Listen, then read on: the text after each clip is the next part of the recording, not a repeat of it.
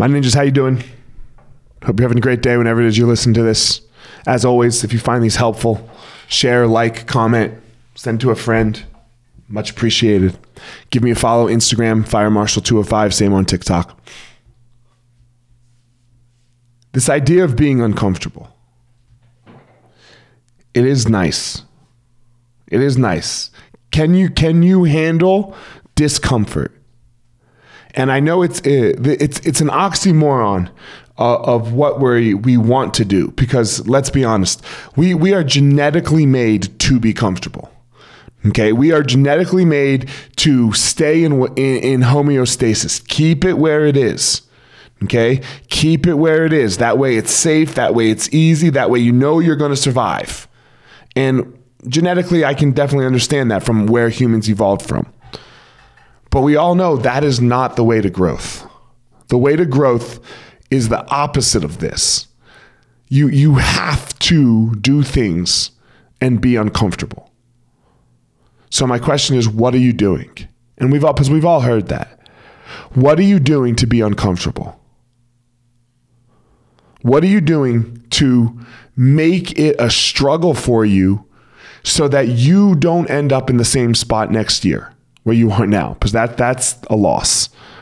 What are you doing to put some goals on yourself? I'll give you an example.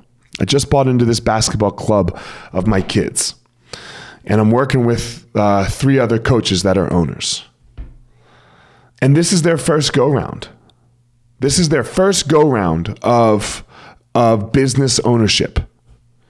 So I said to them, All right, fellas, let's not buy any uh, unnecessary purchases for ourselves until we're at least breaking even and slightly profitable. Now, look, I'll be super honest.